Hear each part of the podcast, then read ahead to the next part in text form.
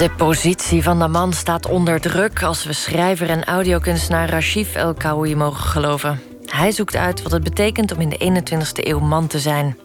Luistert u naar het eerste deel van de maandelijkse podcastreeks De Man is Lam.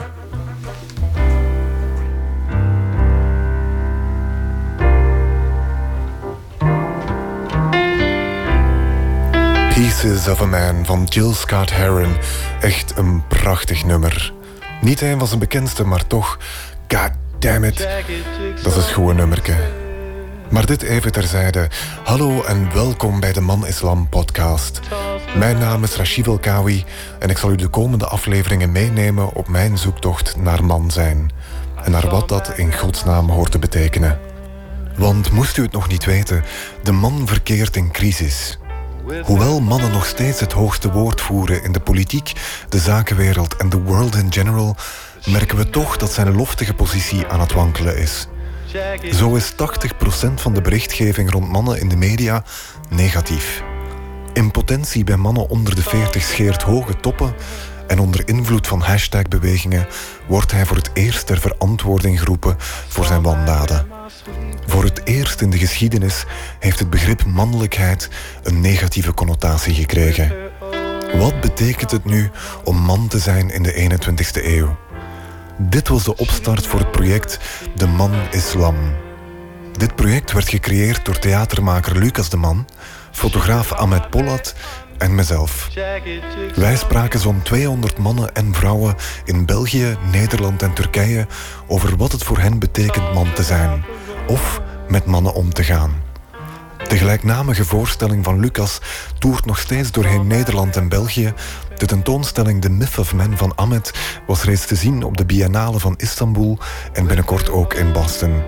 En deze podcast vormt de derde poot in dit crossmediale, multimediale, grensoverschrijdende project. Aan de hand van gesprekken, interviews, mijn zoetgevoegde stem en nutteloze geluidsfragmenten als deze. Spartans! What is your profession? Zal ik proberen een beeld te schetsen van de man vandaag. De man in de 21ste eeuw. Van echte mannen tot verwijfde mannen, van hipsters met baarden tot moslims zonder baarden, van monniken in wording tot gigolo's. De man is een complexer wezen dan tot nu toe gedacht. U heeft het misschien al geconstateerd, ik ben zelf ook een man. Mijn zoektocht met ongetwijfeld maatschappelijke relevantie is ook een persoonlijk verhaal. Ik begon mijn onderzoek met de vraag aan mezelf: wanneer voelde ik mij voor het eerst man? Wanneer had jij voor het eerst het gevoel, nu ben ik een man? Voor mij was dat toen ik elf jaar was. En de band met mijn vader was altijd nogal moeilijk, problematisch.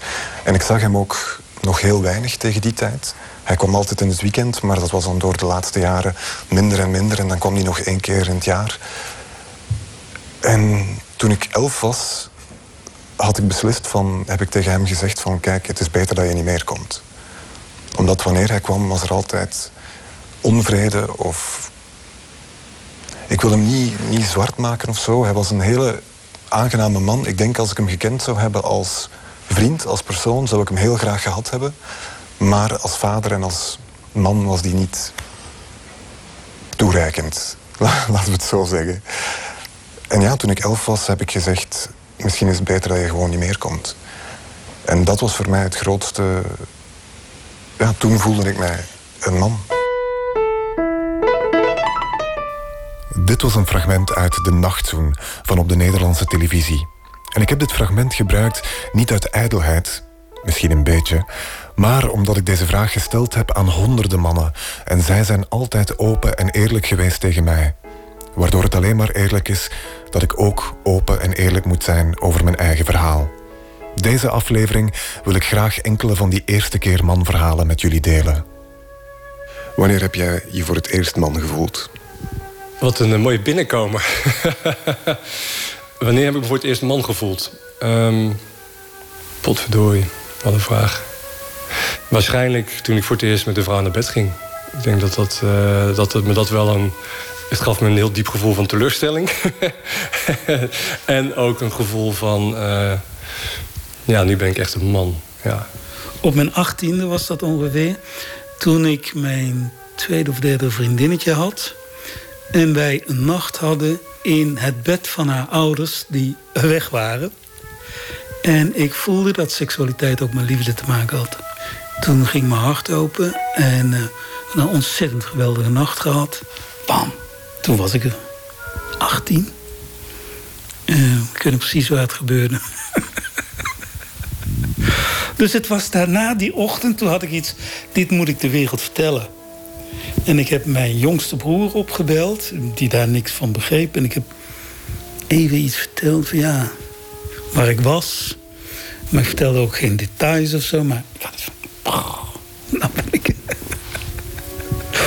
dus het heeft met seksualiteit te maken, ja. Ja, ik ben er van de tijd dat wij op jongensscholen zaten. In onze omgeving waren alleen maar uh, jongetjes, geen meisjes. Meisjes was een soort vijand, die bestonden niet. Maar goed, dan ben je nog steeds een, een, een, een jongetje. En dat is toch iets anders dan man. En dan ga ik toch naar mijn puberteit... dat ik uh, mijn eerste vriendinnetje achter op een brommertje had zitten... en expres geen remmen, zodat ik haar borsten in mijn rug voelde. Prima. Zo, dat je dan echt van, van nou ben ik een, een, een man met seksuele gevoelens.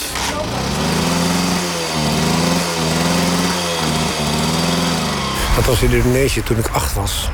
En um, toen was ik met een buurmeisje in een, eh, in een, klein, een klein hutje. En uh, toen raakte ze mij aan op een bepaalde plek en ik werd opgebonden. En ik was pas acht. En ik had iets van het gebeurt hier. Ik denk toch de eerste keer dat ik met een meisje zoende. Of ik had het helemaal georganiseerd. En ik denk dat in die organisatie daarvan, want we gingen naar een verlaten kerk toen, dat was allemaal heel illegaal en spannend. En ik had warme chocolademelk meegenomen, want het was diep in de winter. En we zaten helemaal boven in de, in de toren waar de klokken zitten. En dat was echt waanzinnig, want het was gewoon een enorme kerk. En dat ik dat organiseerde, ik denk dat ik me toen voor de eerste keer echt de man in die zin van het woord heb gevoeld. Ja. Hoe had je dat dan voorbereid? Nou, wij, uh, ik was daar eens met vrienden. Een vriend van een vriendin die wist daarvan. Was nogal een ondernemende gast. En die wist dat in Eindhoven, midden in het centrum... een kerk die gesloopt zou worden. Maar dat was nog niet gebeurd en dat was helemaal dichtgetimmerd. Wij liepen daar naar binnen s'nachts met onze zaklamp. En toen dacht ik, uh, ik vond een meisje toen heel leuk. Op de middelbare school was dat. Toen dacht ik, ja, het zou wel tof zijn om haar daarmee naartoe te nemen. Grappig, hè? Nu, als ik het nu bedenk, dan denk ik... dat is best wel een moedige, ondernemende actie. Zo. Wel een goeie. dat werd toen mijn eh, eerste vriendinnetje voor uh, een half jaar. En toen dat uitging, ging ik ook helemaal kapot. Ja, toen heb ik echt... Uh, de, ik geloof de, ochtend daarna dat ik eigenlijk naar school moest... heb ik in de feutushouding in de, in de douche, in de feutushouding in de bak gelegen met lauw water op me. Drie kwartier, ja, ik was echt zo kapot. Ja. Hoe oud was je toen? Uh, 16. If you want to be totally We kunnen er niet onderuit. Seksualiteit blijft een belangrijk aspect in de manwording. Maar vooraleer jullie denken dat mannen enkel maar met seks bezig zijn en te herleiden zijn tot.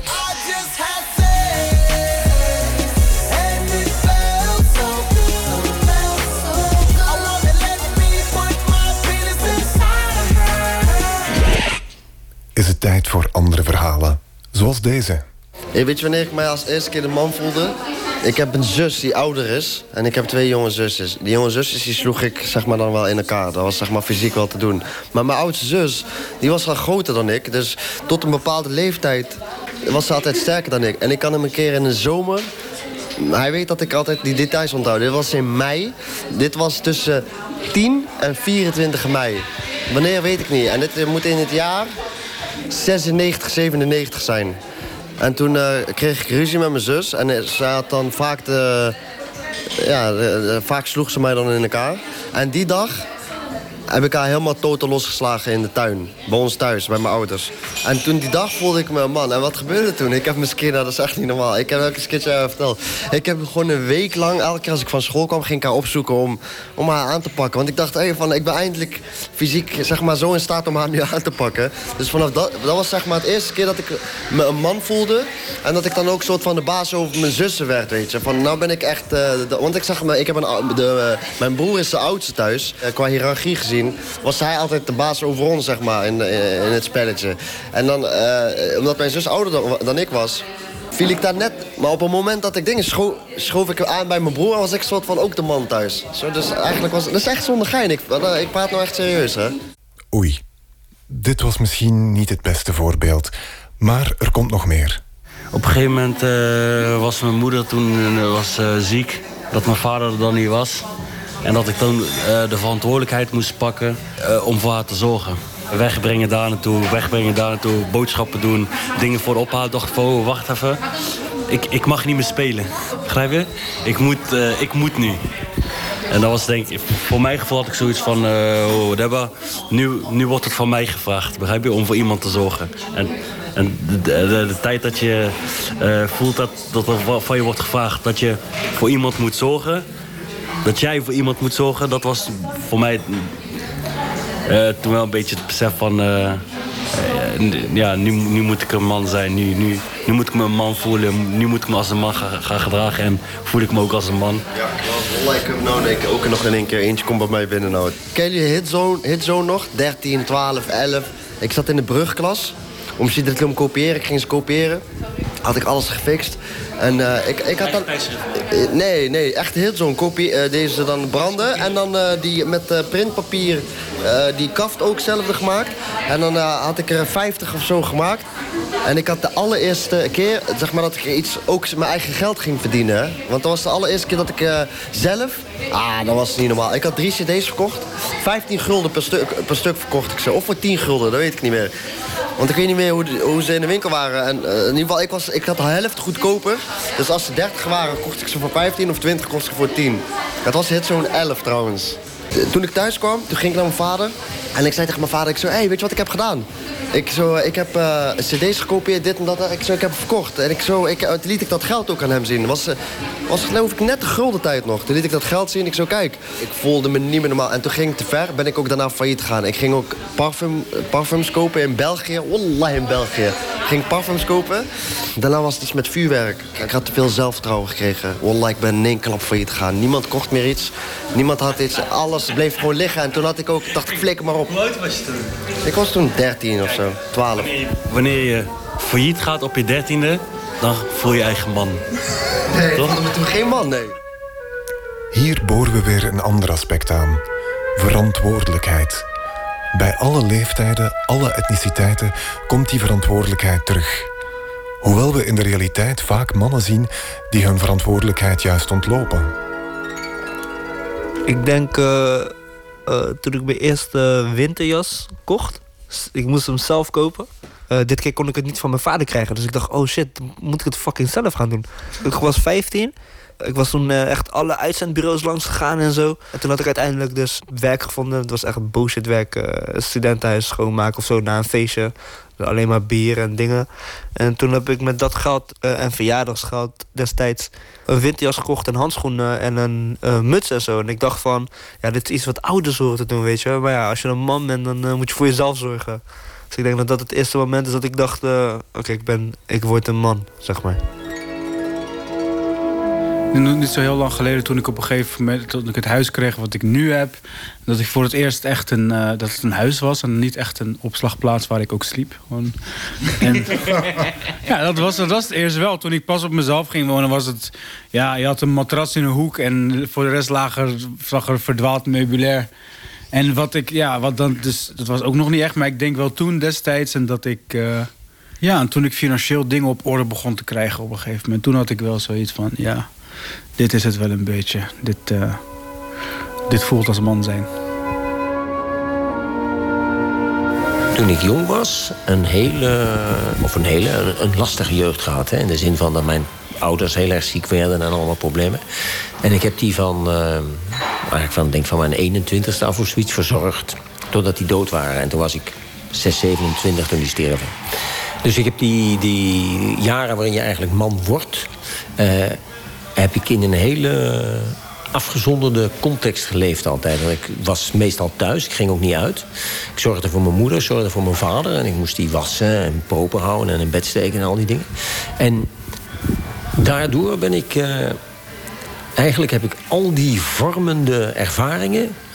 die andere mensen op die leeftijd hebben, heb ik niet gehad. En uh, ik ben eigenlijk pas een normale jeugd gaan hebben... toen, die, toen ze allebei dood waren... En dat was vanaf mijn 29e, denk ik, 28e. En ik denk dat ik ja, toen pas dat idee had van man worden. In de zin van. Dus niet in de zin van verantwoordelijkheden dragen, want dat heb ik heel vroeg gedaan.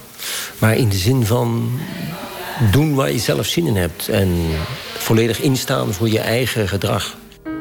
Maar heren, waar zijn de clichés? Waar zijn de vechtpartijen? Waar zijn de toeken op haar bakkes?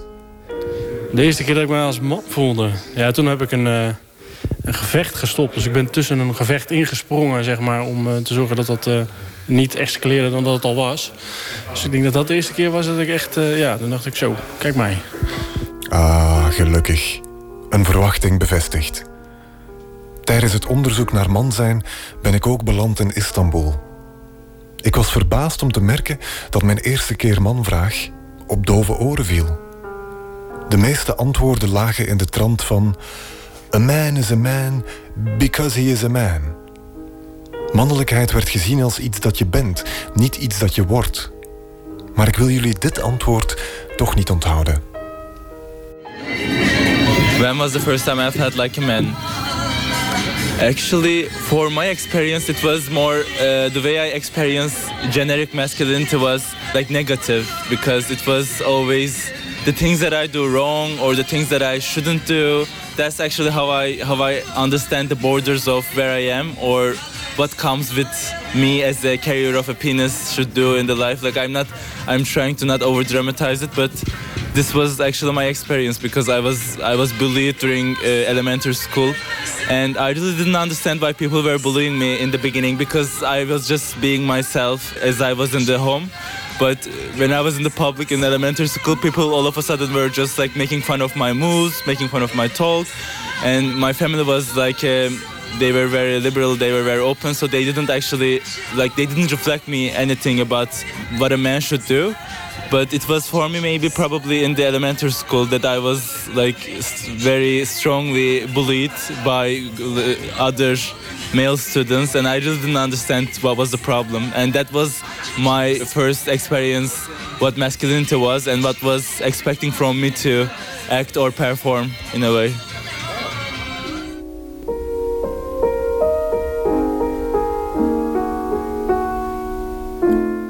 samengevat, zijn eerste ervaring van de eigen mannelijkheid was negatief.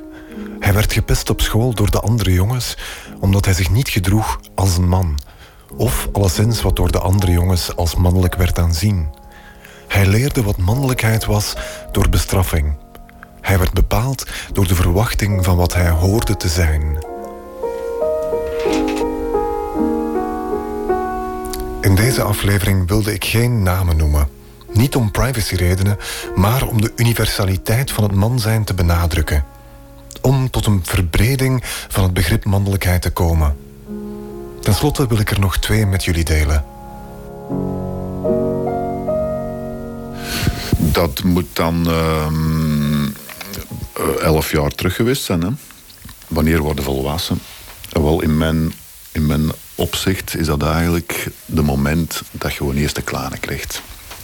Dat is voor mij het moment dat je echt met je benen in het leven staat. En uh, dat je eindelijk kunt onderscheiden van wat er belangrijk is en wat niet belangrijk is en waar je, dat je moet vechten. De scheidingslijn ook tussen de boys en de men.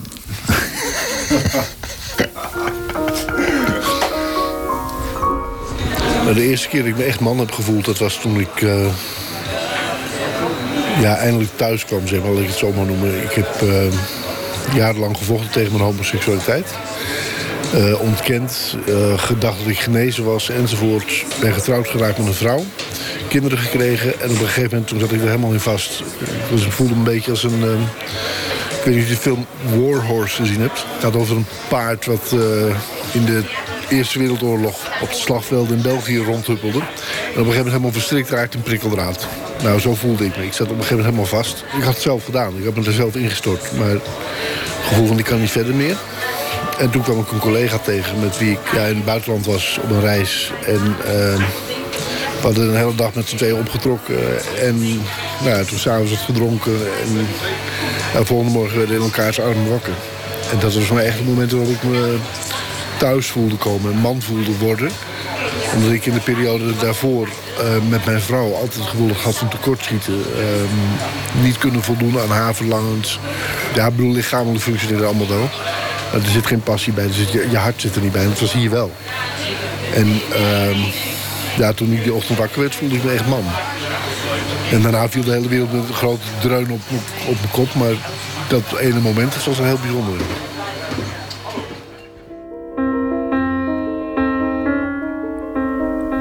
Dit was de eerste aflevering van de Man Islam podcast. In de volgende aflevering spreken we met mannenwetenschappers over onderwijs, what makes a man into a man en nog veel meer. Deze podcast werd geschreven en verteld door Rashif El-Kawi en geëdit door Chris Humé. Deze podcast is een onderdeel van het project De Man Islam, een zoektocht naar man zijn in theater, fotografie en radio. En werd gecreëerd door Rashif El-Kawi, Lucas de Man en Ahmed Polat. Dit project kwam mede tot stand met de steun van Stichting Nieuwe Helden, Stage Set van Theater Zuidplein, Het Zuidelijk Toneel en VPRO Nooit meer slapen. Dank u wel voor het luisteren en graag tot een volgende keer.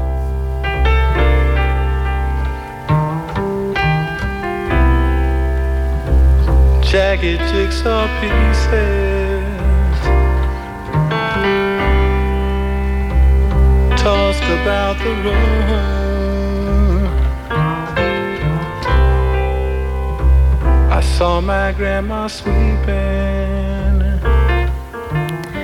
U hoorde het eerste deel van de podcastreeks De Man is Lam. Op vrijdag 16 februari meldt Rashif El Kawi zich weer. Hier in Nooit meer slapen voor de tweede aflevering.